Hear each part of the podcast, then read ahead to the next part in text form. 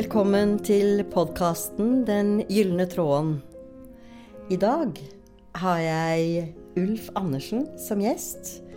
Og ja, du kan få introdusere litt mer om og av deg selv. Men bare sånn kort. Du er redaktør i Se og Hør.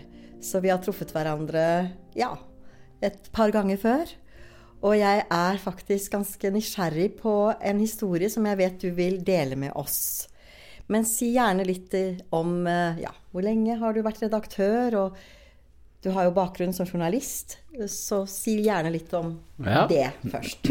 Nei, jeg har vært uh, i Se og Hør siden 2008. Da ble jeg henta inn til bladet pga. at det var litt utfordringer der. Det var litt turbulent, for å si det sånn.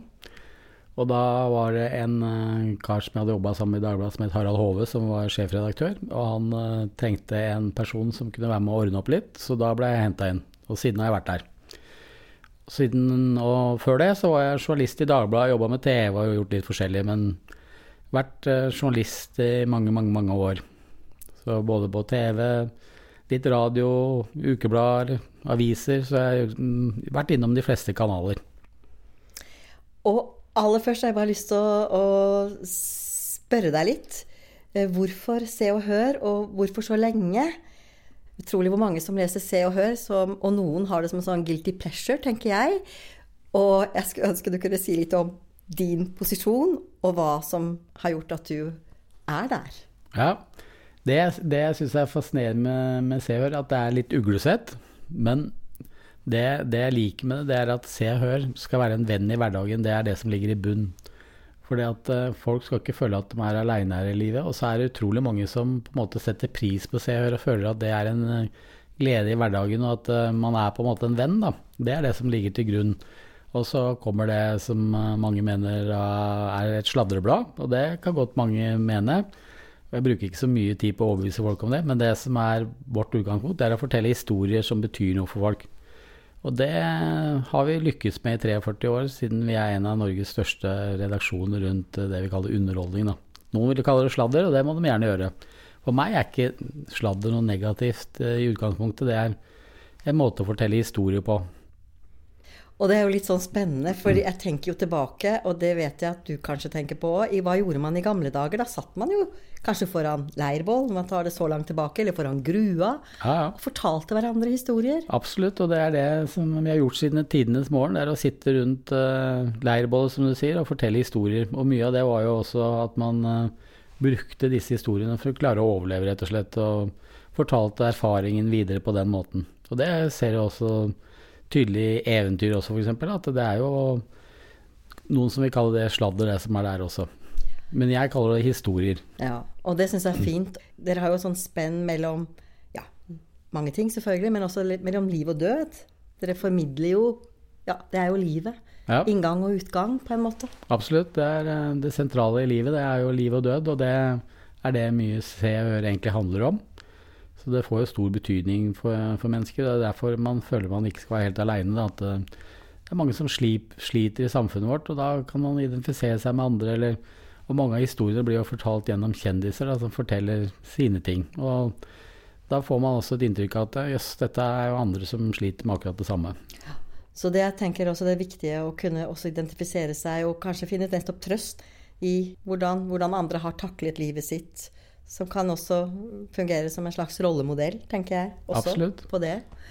Og eh, ja, du har vært journalist i veldig eh, Eller veldig mange år. En god del år. Absolutt. Ja. Kan du si noe om hva du hva, tenker på? Hva som på? driver meg? Ja, hva som driver deg.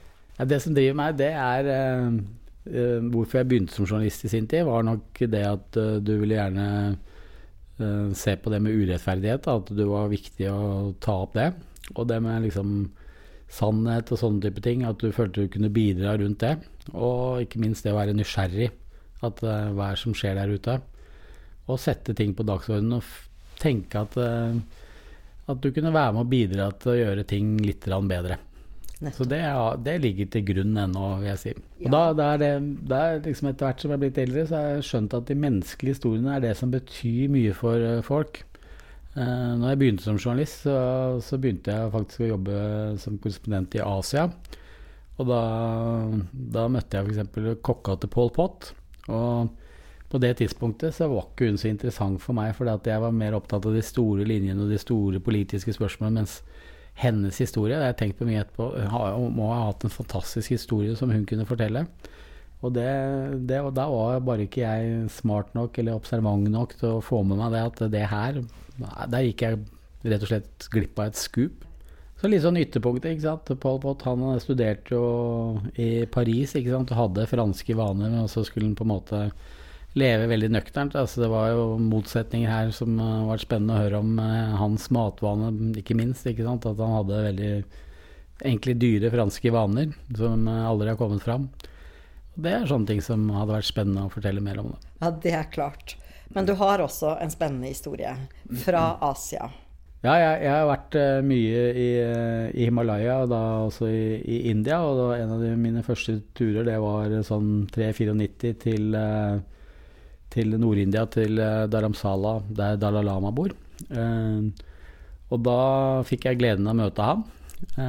og når jeg kom tilbake da, så var det noen som hadde fanga opp det, og spurte om jeg kunne være med å lage en radiostasjon som heter Voice of Tibet.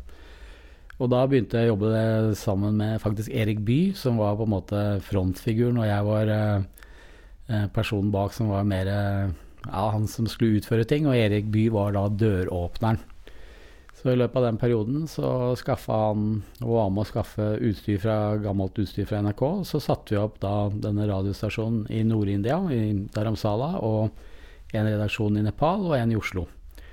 Så det var mitt liksom møte med den tibetanske kulturen, da, som jeg har blitt veldig fascinert av seinere og jobba ganske mye med. Og da fikk jeg også på en måte gleden av å jobbe litt med Dalai Lama underveis. Mm. Og han har jo en stor betydning i verden. Bringe inn en, eh, ja, en holdning eller en, ja, en retning i livene til mange mennesker. Kanskje du kan si litt om noe av det, hva det har betydd for deg? Ja, det er jo det som jeg syns er fascinerende med dem, at de lever veldig her og nå. Uh, og det har jeg alltid slitt litt med, at jeg ikke er så flink til å leve og nyte ting akkurat her og nå. Og det lærte jeg mye av de. Og også måten hvordan man så, ser på verden. Dem er jo mer sånn harmonisøkende i sin tilnærming, mens eh, jeg som da vestlig journalist var jo veldig opptatt av konflikt.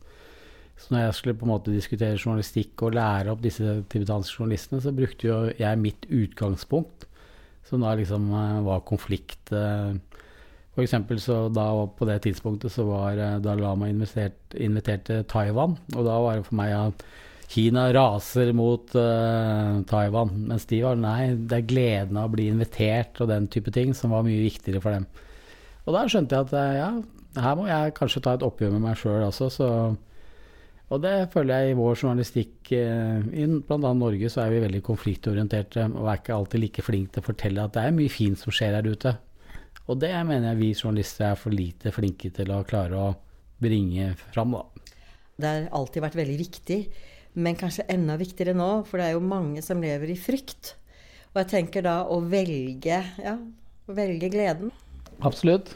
Ja. Og det er tibetanerne er veldig flinke til å ha livsglede, og det, det er jo Dalai Lama også Han er jo en morsom fyr. Eh, jeg husker en episode når eh, vi skulle ha en pressekonferanse i Oslo, og han bodde på Grang, og da var det Da hadde noen sett sannsynligvis på TV at eh, man hadde hvite lakener over sofaene. Og da kom han inn og sa og bare lo liksom at nei, det er helt feil, liksom. Det er, er, det er sånn vi kan gjøre i India, for der kan det være litt mer skittent. Mens, mens her, her, er det bare å ta Så det første han gjorde, var bare å ta bort det lakenet og, og satte seg ned og lo. Og det er herlig, da. At han har liksom den gode humoren. Ja, han er en veldig varm person. Mm. Og veldig flink til å Han er jo veldig kontaktsøkende gjennom sin humor, for han smiler og ler og Det tror jeg får folk på en måte senke skuldrene når de møter den på den måten. Da. Så smile, det, det, var en av de tingene som har gjort inntrykk på meg. Og dette med gå litt videre kanskje og, og, tenke på den vestlige medisin, og vi har den østlige medisinen som er forankret i tusenvis av år. Og ja, kanskje du kan si litt om det? Ja, nei, det, det syns jeg var veldig fascinerende første gang jeg var eh, og møtte tibetanerne. var Vi hadde vært eh, på en reise opp i Le i Nord-India, og så hadde kona mi fått eh, øreverk. Og da oppsøkte vi en lege som da viste seg å være Dalai Lamas livlege. Og da husker jeg at han tok bare på håndleddet til hun og sa at du har øreverk. Og det syns jeg var utrolig merkelig at han Jeg kom jo fra en legefamilie, faren min var lege, så jeg var jo vant til at han jobba på en helt annen måte og stille diagnoser. Og det ble veldig fascinerende på en måte at uh, disse energibanene som de snakker om, da, er noe som er der som vi ikke forholder oss til på den måten i vestlig medisin, men at uh, de har noe uh, som har ja, som er utarbeida over flere tusen år. Og det har jeg alltid syntes har vært fascinerende siden. Og det har jeg opplevd også Faren min var veldig negativ når jeg kom hjem og fortalte dette her, at han trodde ikke noe på det. Det var bare sprøyt, liksom. Det var flaks, som han kalte det. Og etter hvert så fikk vi jo litt kontakt med han livlegen. Han uh, hadde en relasjon til Norge, så han var og besøkte oss noen ganger. Og da hadde vi et par testtilfeller. Det var ikke noe vitenskapelig forsøk, men hvor uh, det kom noen pasienter som da han kjente på håndleddet og fortalte hva som var galt. Og da husker jeg også faren min tenkte at jøss, her er det kanskje noe mer enn det som jeg har vært veldig bestand på. Så det var med å utvikle han litt, og vært med å utvikle meg hele livet i forhold til at uh, vår vestlige medisin uh, tror jeg på en måte er veldig bra hvis du har fått en sykdom og skal reparere noe. Men at det ligger noe mer i forhold til før og etter og sånne type ting, som vi kanskje ikke har tatt inn over oss for å se på kroppen som en helhet. Det, der er, nok vi, er vi nok langt tilbake i tid. Ja, det tenker jeg jo. Og dette som du sier også, at den vestlige medisinen har i hvert fall til nå vært veldig opptatt av å reparere. Og det er klart at det har vært eh, Det er jo utrolig hva man kan gjøre for å reparere kroppene. Men dette med å forebygge, mm. som jo jeg også syns er fascinerende med den østlige medisinen Dette med å hente inn fra den formen for tankemetode, da. For det er fascinerende med tibetanerne at uh, sånn som han livlegen som hadde både et ben i vestlig medisin og tibetansk kultur, var jeg veldig opptatt av det. Det finnes ingenting i verden som er bedre enn vestlig medisin når det gjelder reparasjon, som du var inne på. Eh, men det er liksom det med å gå til årsaken. Vi reparerer, og så snakker vi egentlig ikke, finner ut av hvorfor var det du fikk den sykdommen, egentlig. Og der er det nok en stor svakhet, at eh, vi reparerer, og så går vi bare videre istedenfor å stoppe opp mer og finne ut hva, hva er som er årsaken til dette. På en måte en større helhet med å ta med ja, den mentale delen, spirituelle delen, sjelelige delen og det fysiske som en enhet. Det syns jeg er fascinerende med med den lange tradisjonen da, som vi finner i det tibetanske og indiske for så vidt, og i kinesisk medisin. da. Ja.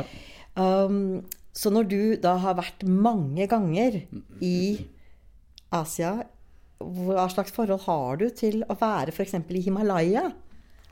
Det, det, som fascinerer meg med Himalaya, det er på en måte fjellene. At det er høye, det er dramatisk. Altså, jeg kan gå på Hardangervidda, som jeg var på et par uker siden, som det er flatt, liksom. Det er du kan se langt og sånne ting, men, men det er liksom det høyden og den der naturkraften man føler når man går opp i fjellene, blir litt annerledes. da.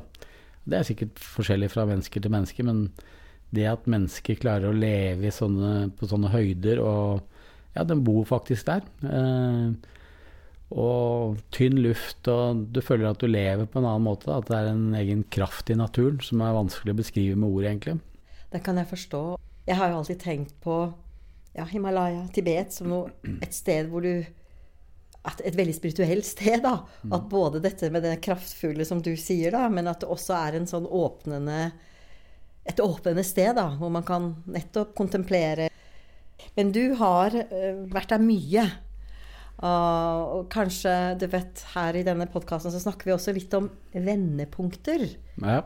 Jeg vet at du har hatt et type vendepunkt Nei, et av mine, ikke sant, foruten det å få barn og sånn, som også er et vendepunkt, men som kanskje Det er jo mange som opplever. Men uh, på min siste tur i Himalaya så fikk jeg nyresvikt, for jeg hadde spist når jeg nærma meg toppen, så fikk jeg senebetennelse i, uh, i, hendene, så jeg måtte spise Voltaren og Ibux, som ikke var noe sånn spesielt smart.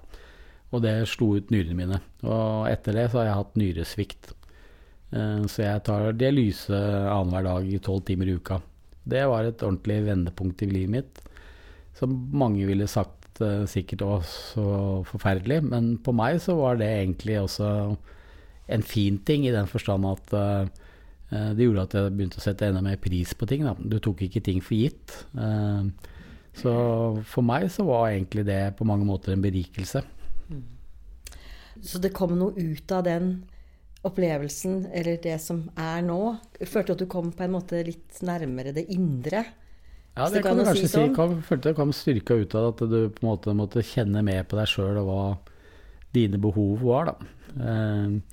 Og det gjorde at du ble mye mer bevisst på hva du gjorde. eh, hva er det jeg gjør nå, hva er det jeg ikke gjør nå. Eh, og det, det syns jeg Det er mange som snakker om det at eh, når du blir dårlig, så er det liksom du blir dårlig, men det er hvordan du takler det som på en måte er utgangspunktet. Og da kan du velge liksom å sette deg ned at åh, nå er verden urettferdig, eller så kan du sette deg ned og se at ja, hva kan jeg gjøre ut av dette her. Uh, og det føler jeg at jeg har tatt med meg videre, at eh, det er fortsatt uh, muligheter, men du må forandre ting. Det innebærer at du også kunne gjøre et valg med hvordan du tar det.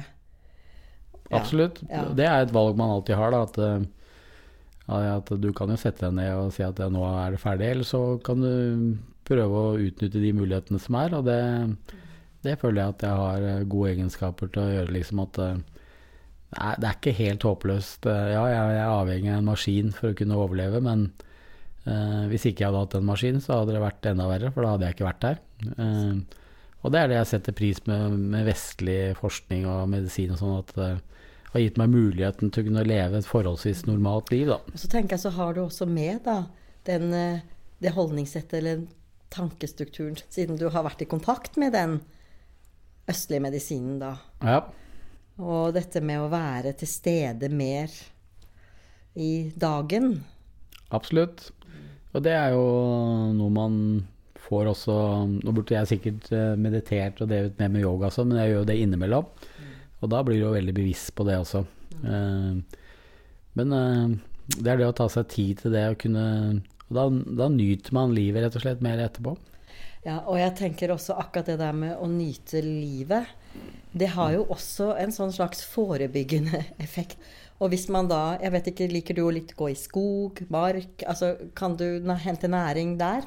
Ja, jeg, jeg føler at, eh, at jeg setter mye mer pris på naturen, og at eh, naturen har en egen kraft som gjør at du Når du går i skogen og ser at ting gror, eller at det er snø og det spirer og gror eh, Ting forandrer seg hele tida. Det er ingenting som er konstant. Ting er hele tida i utvikling, og det føler jeg er en egen kraft. og Fascinerende å føle på. Da får jeg en egen ro i kroppen. Mm. Det er vel en av de tingene man prøver å oppnå da med dette som jo egentlig er hentet som vi kaller mindfulness i dag, ikke sant? men som jo er egentlig hentet fra nettopp den østlige måten å tenke på. Det å være til stede. I vår hektiske hverdag så er man ofte litt forut for fordi man må planlegge, og så må man være liksom i, i fremtiden. Men vil du si at det at du nå har denne utfordringen, da, har gjort at du ja, er mer her og nå? Det er eh, Mitt liv eh, tidligere, før jeg ble syk, besto liksom at eh, tenke ett skritt foran, som du snakker om. At ikke bare nyte det å sitte her og kunne snakke med deg og se utover sjøen og se at ting spirer og gror på utsida, liksom, og føle at eh, du lever her og nå. Og det føler jeg har blitt mye flinkere til etter at jeg ble syk, da. Så sånn sett har det vært en eh, berikelse i livet mitt. Ja, det, det er fint å høre, det må jeg si.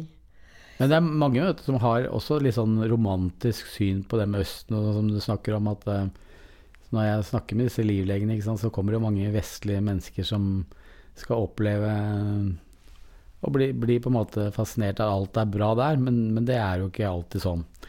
Og når folk blir dårlige, f.eks., så er det mange som kommer og skal ha forskjellige urter av disse livlegene. Det rister dem litt på huet, for det. De, de urtene er utvikla på folk som lever på 5000 meters høyde, og det er en helt annen bakterieflora. Så det funker, alltid ikke, funker ikke alltid like bra. Så der, der er det på en måte Vi vestlige er også sånn prøver å ha litt sånn romantisk syn til ting som er gammelt òg, da. Og det er eh, som jeg må le litt av innimellom når jeg møter folk som gjerne er eh, eh, i Nord-India, i Dharamsala hvor Dalai Lama bor, for at de skal liksom opps, oppsøke det genuine, da. Ja, og så har man selvfølgelig da et slags sånn, kanskje håp eller romantiske forestilling om at der er det mye bedre. Ja. Men jeg tenker, ja, nå har du for så vidt satt en sånn klang på det, da. At kombinasjonen mellom den østlige ja, medisin, tankemåte og den vestlige ja, sånn som det er blitt utviklet nå, at det, når det møter hverandre, så gjør det, er det bra for oss, rett og slett. ja. Ja. Og det, det her er jo egentlig en av Dalai Lamas store utfordringer når han snakker om ikke sant? Det er jo en del som har flykta til, til andre land, og spesielt da Nord-India, hvor det er mange tibetanere som bor. Og hans, en av hans største bekymring er hvis Tibet skulle bli fri noen gang, hvor, hvor mange er det som egentlig kommer til å flytte tilbake? For det å leve eh, på så store høyder er en kjempestor utfordring. Det er vanskelig å få grønnsaker til å gro og alt mulig sånn. Mens når du lever andre steder, så er det faktisk lettere. Da, da tenker han hvor mange av de som har flykta fra Tibet, er som kommer til å bli med tilbake igjen? Mm. Det er et sterkt spørsmål, faktisk. Ja. Ja, det kan jeg forstå. Nå har de liksom fått oppleve noe annet. Ja. Som kanskje er lettere, som du sier. Det er jo det er sterkt å forestille seg å skulle liksom bo og dyrke, som du sier, da, på 5000 meters høyde. Det er nesten for meg det er liksom, wow. Jeg kan nesten ikke forestille meg hvordan det er å leve i den der lette lufta, egentlig. Men uh, dette med den gylne tråden, som jo denne podkasten heter, Ja. har du tenkt litt på det? Hva det betyr for deg? Ja. Eh, den gylne tråden for meg er rett og slett, som vi var litt inne på i sted, det var eh, det med rettferdighet er grunnleggende, og det å være nysgjerrig. eh, og hele tida føle at man kan lære noe. For hvis jeg analyserer livet mitt, liksom at, så er ikke det noe sånn fra A til Å. Det er masse hopp og sprett og hit og dit. Og, men det å gripe mulighetene liksom, når det er noe der, det er min gylne tråd, vil jeg si. Og at man er søkende. Altså, jeg har ikke noe fasitsvar på noe, men jeg er rett og slett nysgjerrig på å finne ut av nye ting. Og det er det som er fascinerende med å leve, syns jeg. At eh, det har du muligheten til hele tida. Og er det en slags sånn glød du har? Kanskje også intuisjon, da? Du våger å høre på det, siden du sier hopp og sprett, at du har hatt mange forskjellige ting som du har vært trukket til og mot. Ja. Ja. Og det, det er det som er eh, jeg syns er spennende, er å kunne prate med forskjellige folk hele tida også. Altså om det er politikk eller religion eller Det er jo masse forskjellige svar her, liksom. Og tørre å liksom å åpne opp og få andre inntrykk og andre meninger, det tror jeg har fulgt meg hele livet. liksom At jeg har ikke ett ståsted som liksom Nei. Her er jeg. Mens Nei. jeg kan forandre mening etter hva folk sier, eller at eh, jøss, det du sier der er jo høres jo helt fornuftig ut. Og, eller har alltid vært fascinert av religioner, selv om jeg har ikke noe spesiell tro, så er jeg fascinert av ulike religioner, og spesielt buddhismen, da, som jeg føler kommer innenfra ut og ikke utenfra inn. Uh, det er ikke en misjonær, altså du misjonerer ikke. Eh, og det er noe av det jeg syns er uh, eh, har jeg respekt for, da. Eh, mens eh, både den kristne og muslimske er jo mer at du misjonerer og den type ting. Ja, den retningen, da, det buddhistiske, mer enn synd og skyld, for å si sånn, så er det å ta ansvar. Ja. Så det blir jo på en måte eh, ja, eh, retningslinjer som går på Ja, du er mer kanskje enn en det fysiske og dette livet. Og at du tar ansvar for. Og at det ligger liksom i den, den formen for tanke. Og ikke minst ja, med metode. Og så syns jeg det er noe veldig fint dette med mm, ja, hva skal jeg si compassion. Jeg syns det er fint på engelsk. Altså medfølelse. Ja. For det retter seg jo ja, Selvfølgelig, du har det meditative innover, men det retter seg også utover igjen. Og jeg tenker på det du sa, dette med rettferdighet, å ta vare på. Så jeg får sånn følelse at det, du har noe med deg av det. Ja, det, det er jo noe det, som ligger grunnleggende i, i dems måte å leve på. Da. At uh, både ta ansvar, ikke minst Du begynner jo veldig mye med deg sjøl, og så går det utover. Men uh, hva, hva du gjør, eh, og hvordan du eh, er med andre mennesker eh, Det er klart at det er dem kanskje mye mer bevisste på enn det vi er. Vi er mange sånne ytre forhold som gjør at vi styrer på en måte de sosiale relasjonene våre gjennom lover og regler, mens der ligger det grunnleggende i mennesket. Da. Mm. Compassionate eller ja, medfølende, barmhjertig Jeg vet ikke hvordan vi skal si det ordet på norsk, egentlig. Holdningen at det er eh, kombinasjonen av eh, ja, kjærlighet og visdom, rett og slett. At det liksom knytter Fordi du gjør en bevisst handling også. Så det er jo en retning, en tanke, en holdning, Mm. kombinert med, med hjertet, da, eller kjærlighetsaspektet, da, for den andre.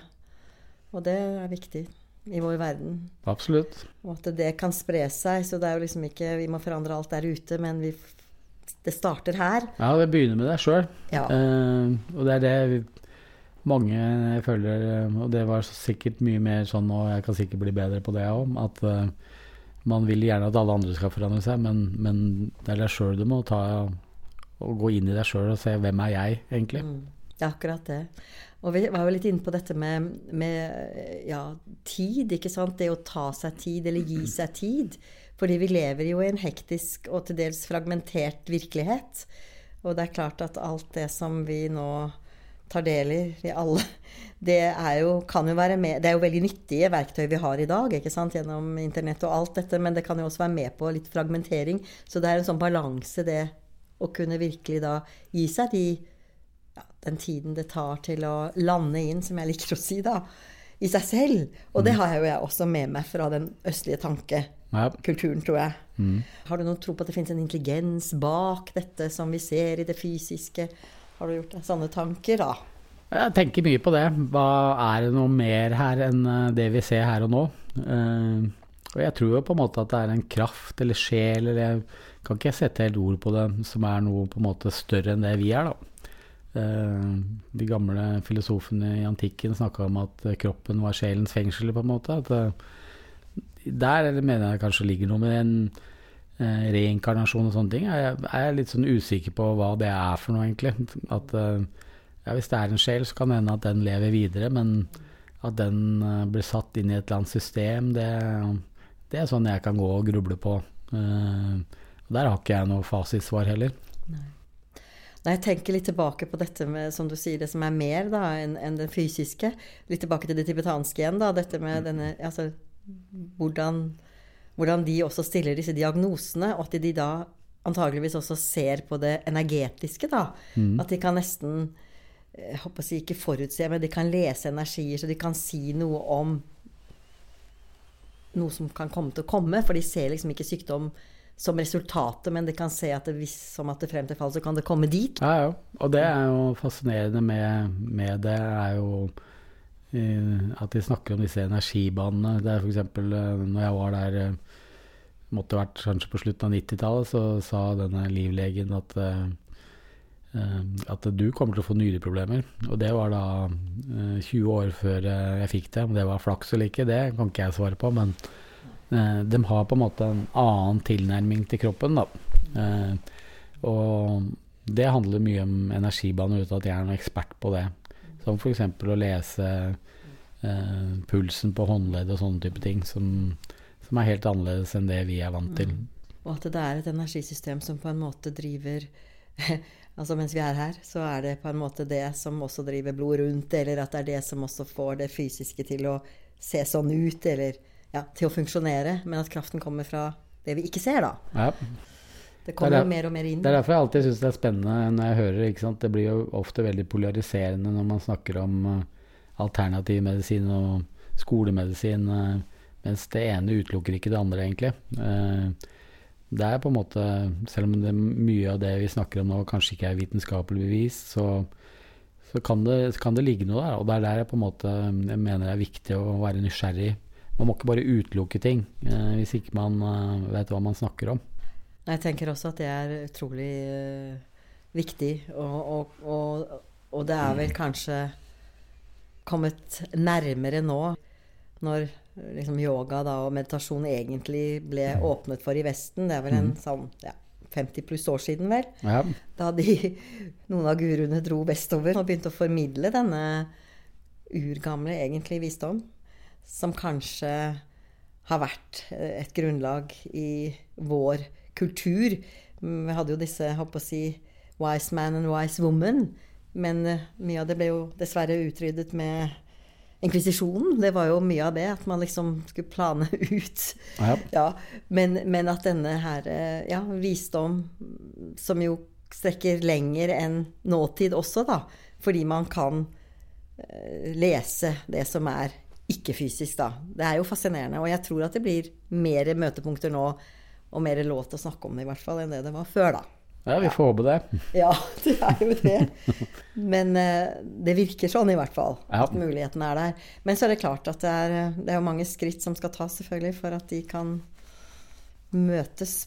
Men eh, det ser jo også, ikke sant, at eh, det er jo mange leger jeg kjenner i dag som driver med yoga og meditasjon, som ikke gjorde det tidligere også. Det er på en måte noe som skjer. Eh, Og at folk føler at de får, en verdi ut av det. Og, og, det har jo kommet eh, Ja. veldig mye mer de siste årene. Jeg husker da jeg startet med Olav og jeg vi kom og hadde blitt vegetarianere. Mm. Og vi, vi bare, de, folk bare ristet jo på hodet, ikke sant. Og drive med meditasjon og yoga, det var jo liksom For 50 år siden så var jo det ganske Det var veldig sært. Ja. Men i dag er det jo nesten håper å si, Det er jo helt vanlig. Det er blitt mainstream. ja. Så det er litt morsomt. Være journalist og redaktør, du får jo med deg disse strømningene, da, selvfølgelig, som er i dag.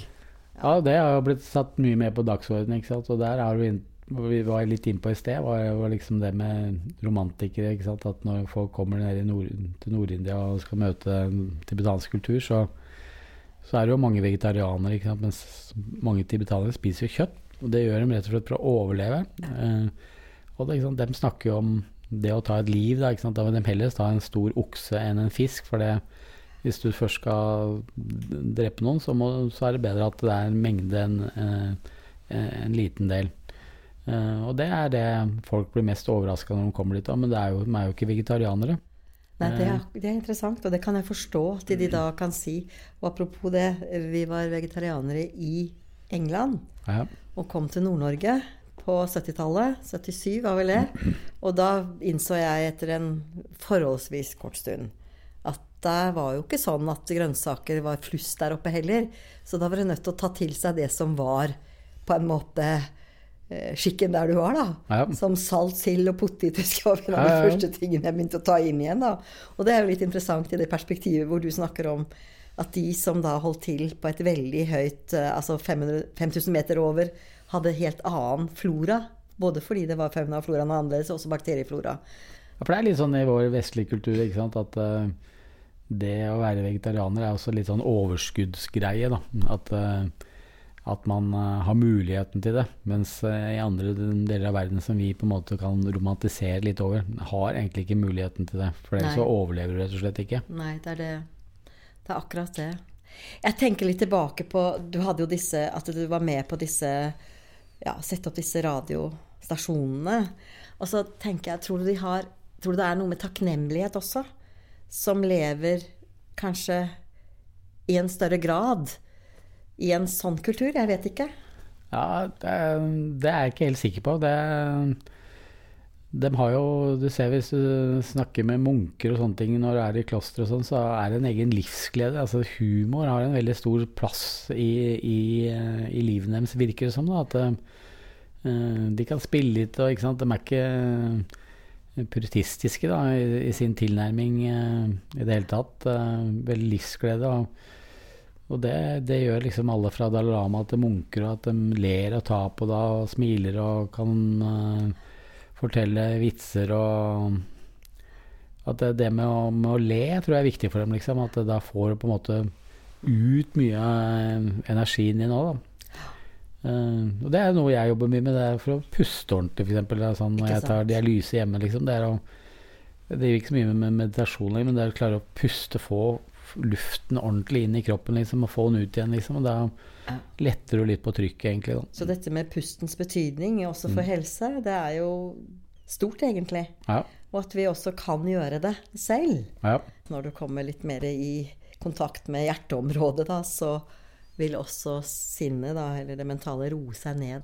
ja. Så Skjønner. drar du inn på en måte hele livet inni deg. Da. Du gjør det. Ja. Ja, og dette ordet prana, pusten, og så er det det livgivende som er i dette elementet luft. Takknemlighet for livet, rett og slett. Mm. Og en annen ting også som, eh, ja, som du sier, denne gleden, latteren. Det også har blitt en sånn bit for meg. Jeg ønsker å velge gleden. Og at det er på en måte noe som Det er ikke gjort én gang. Det er liksom en praksis, det også. Ja. Mm. Og det, det har noe med holdningen inni deg òg, sånn at eh, etter jeg ble dårlig, så møter du jo mye forskjellige folk eh, som sliter med livet, rett og slett. Og da er det fascinerende å høre hvordan ulike hvordan folk tilnærmer seg det. Da. Noen kan uh, gi opp, liksom. Andre sier at nei, det her skal jeg gjøre på min måte, og Mm. gjøre det beste ut av det. Mm. Og det, det er jo noe med holdningen inni deg. Det tror jeg Mm. følger deg hele livet, da. Det er hvordan du tar det, egentlig, som kan drive deg videre. Har du noen ting du kunne ha lyst til å dele liksom, fra ditt liv som journalist, eller er det noen ord du vil si til lytterne? Nei, Som journalist, og det som har vært fascinerende med å være journalist, det er at du, du har fått lov til å oppleve mye. Da? Og det har underbygget det som på en måte jeg føler har vært min rettesnor i livet. Det er jo å finne ut av ting. Eh, være med og kanskje bidra til at samfunnet blir bitte lite grann bedre. Eh, og det har vært en viktig greie for meg. Og så er det det med å ta vare på de rundt deg, liksom. Og øh, alltid vært heldig å ha gode venner, og de jeg vokste opp som jeg er fortsatt venner med. og Det blir en egen trygghet i livet. Da. At øh, man har en, eh, et fundament som øh, gjør at det er ikke Det kan skje mye, men, men det fundamentet ligger der. Og det er det samme med familie, at du har en familie som du er glad i. og Nei, det Etter jeg ble sjuk, så må jeg bare si jeg satt enda mer pris på livet, egentlig. Ja. Og på det som du sier nå, som har gitt deg trygghet, altså ja, det familiære og venner. Ja, setter pris på. Mm. Det er veldig fint. Jeg syns det har vært en veldig fin, eh, fint å få høre litt mer om eh, deg og ditt liv. Og spennende historie, det må jeg si. Og jeg tenker nå at vi skal gjøre en eh, liten avrunding med en øvelse. Så skal jeg se om jeg klarer å hente inn noe av den energien som vi nå har delt her. Og vil jo si ja, hjertelig takk til deg, Ulf. Og så gjør vi en sånn øvelse sammen, som jo de som har lyttet på podkasten tidligere, vet at jeg pleier å gjøre. Så da ikke gjør det hvis du kjører bil. Eh, ellers så kan du sitte, ligge, stå. Så nå lukker vi øynene igjen. Du som lytter, gjør det også. Og så bare kjenne hvordan det er å være i deg akkurat nå. Ah, kjenn føttene dine. Hvis du sitter ned, legg merke til eh, Har jeg kontakt med kroppen min her og nå? Kjenner jeg eh, underlaget jeg sitter på? Med stolen, hvis det er en stol du sitter på. Ryggstøet. Bare kjenn etter. For uh, når vi nå også lytter innover, så er det faktisk sånn at vi på en måte forsterker sansningen, hvor vi også kan sanse inn i oss selv. Og en av de tingene som eh, jeg bruker, er rett og slett å legge en hånd over hjertet. Og akkurat det er det gjort en også vestlig forskning på. Å legge hånden over hjertet og oppnå den kontakten som er mulig hvis du nå roer ned sinnet, så vil også det å først ha kontakt med hjerteområdet gjøre at din eh, skal vi si Din hjernefrekvens sakte roes ned. Og at du kan få et fokus i deg hvor det blir litt roligere enn det du kanskje opplevde for en liten kort stund siden. Så nå kan du bare puste rolig inn gjennom nesen. Ikke presse eller tvinge, men bare rolig legge merke til innpustet. Noe som kan hjelpe, er å telle fra én og så langt du kommer.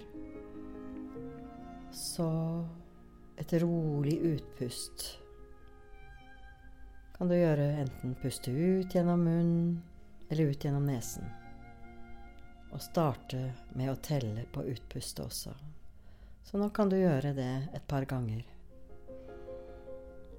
Puste inn og puste ut.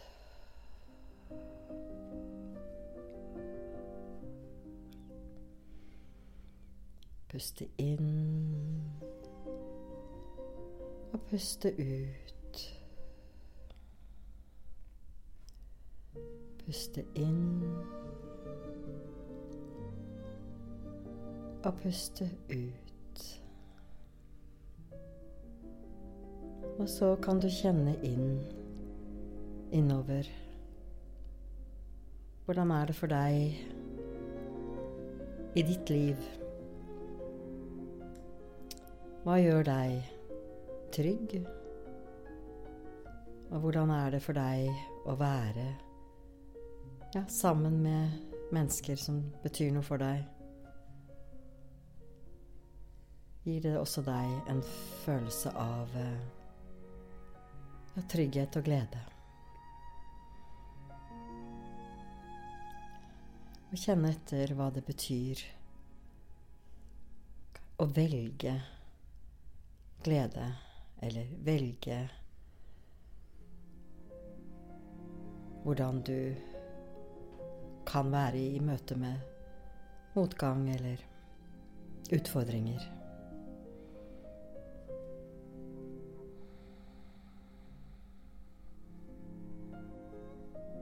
Og kjenn etter nå hva det gjør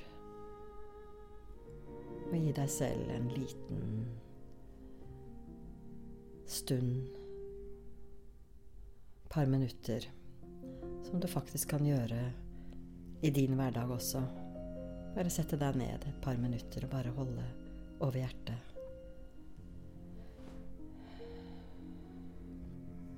Har du musikk, så kan du gjerne lytte til det som også er med på å både senke det som kan være litt vel hektisk ro ned og kanskje gi en form for velvære, nytelse og høre på musikk som du liker.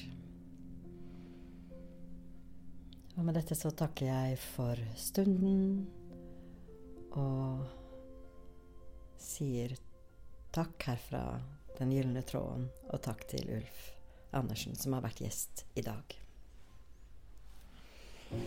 Takk for at jeg ble invitert. Hyggelig.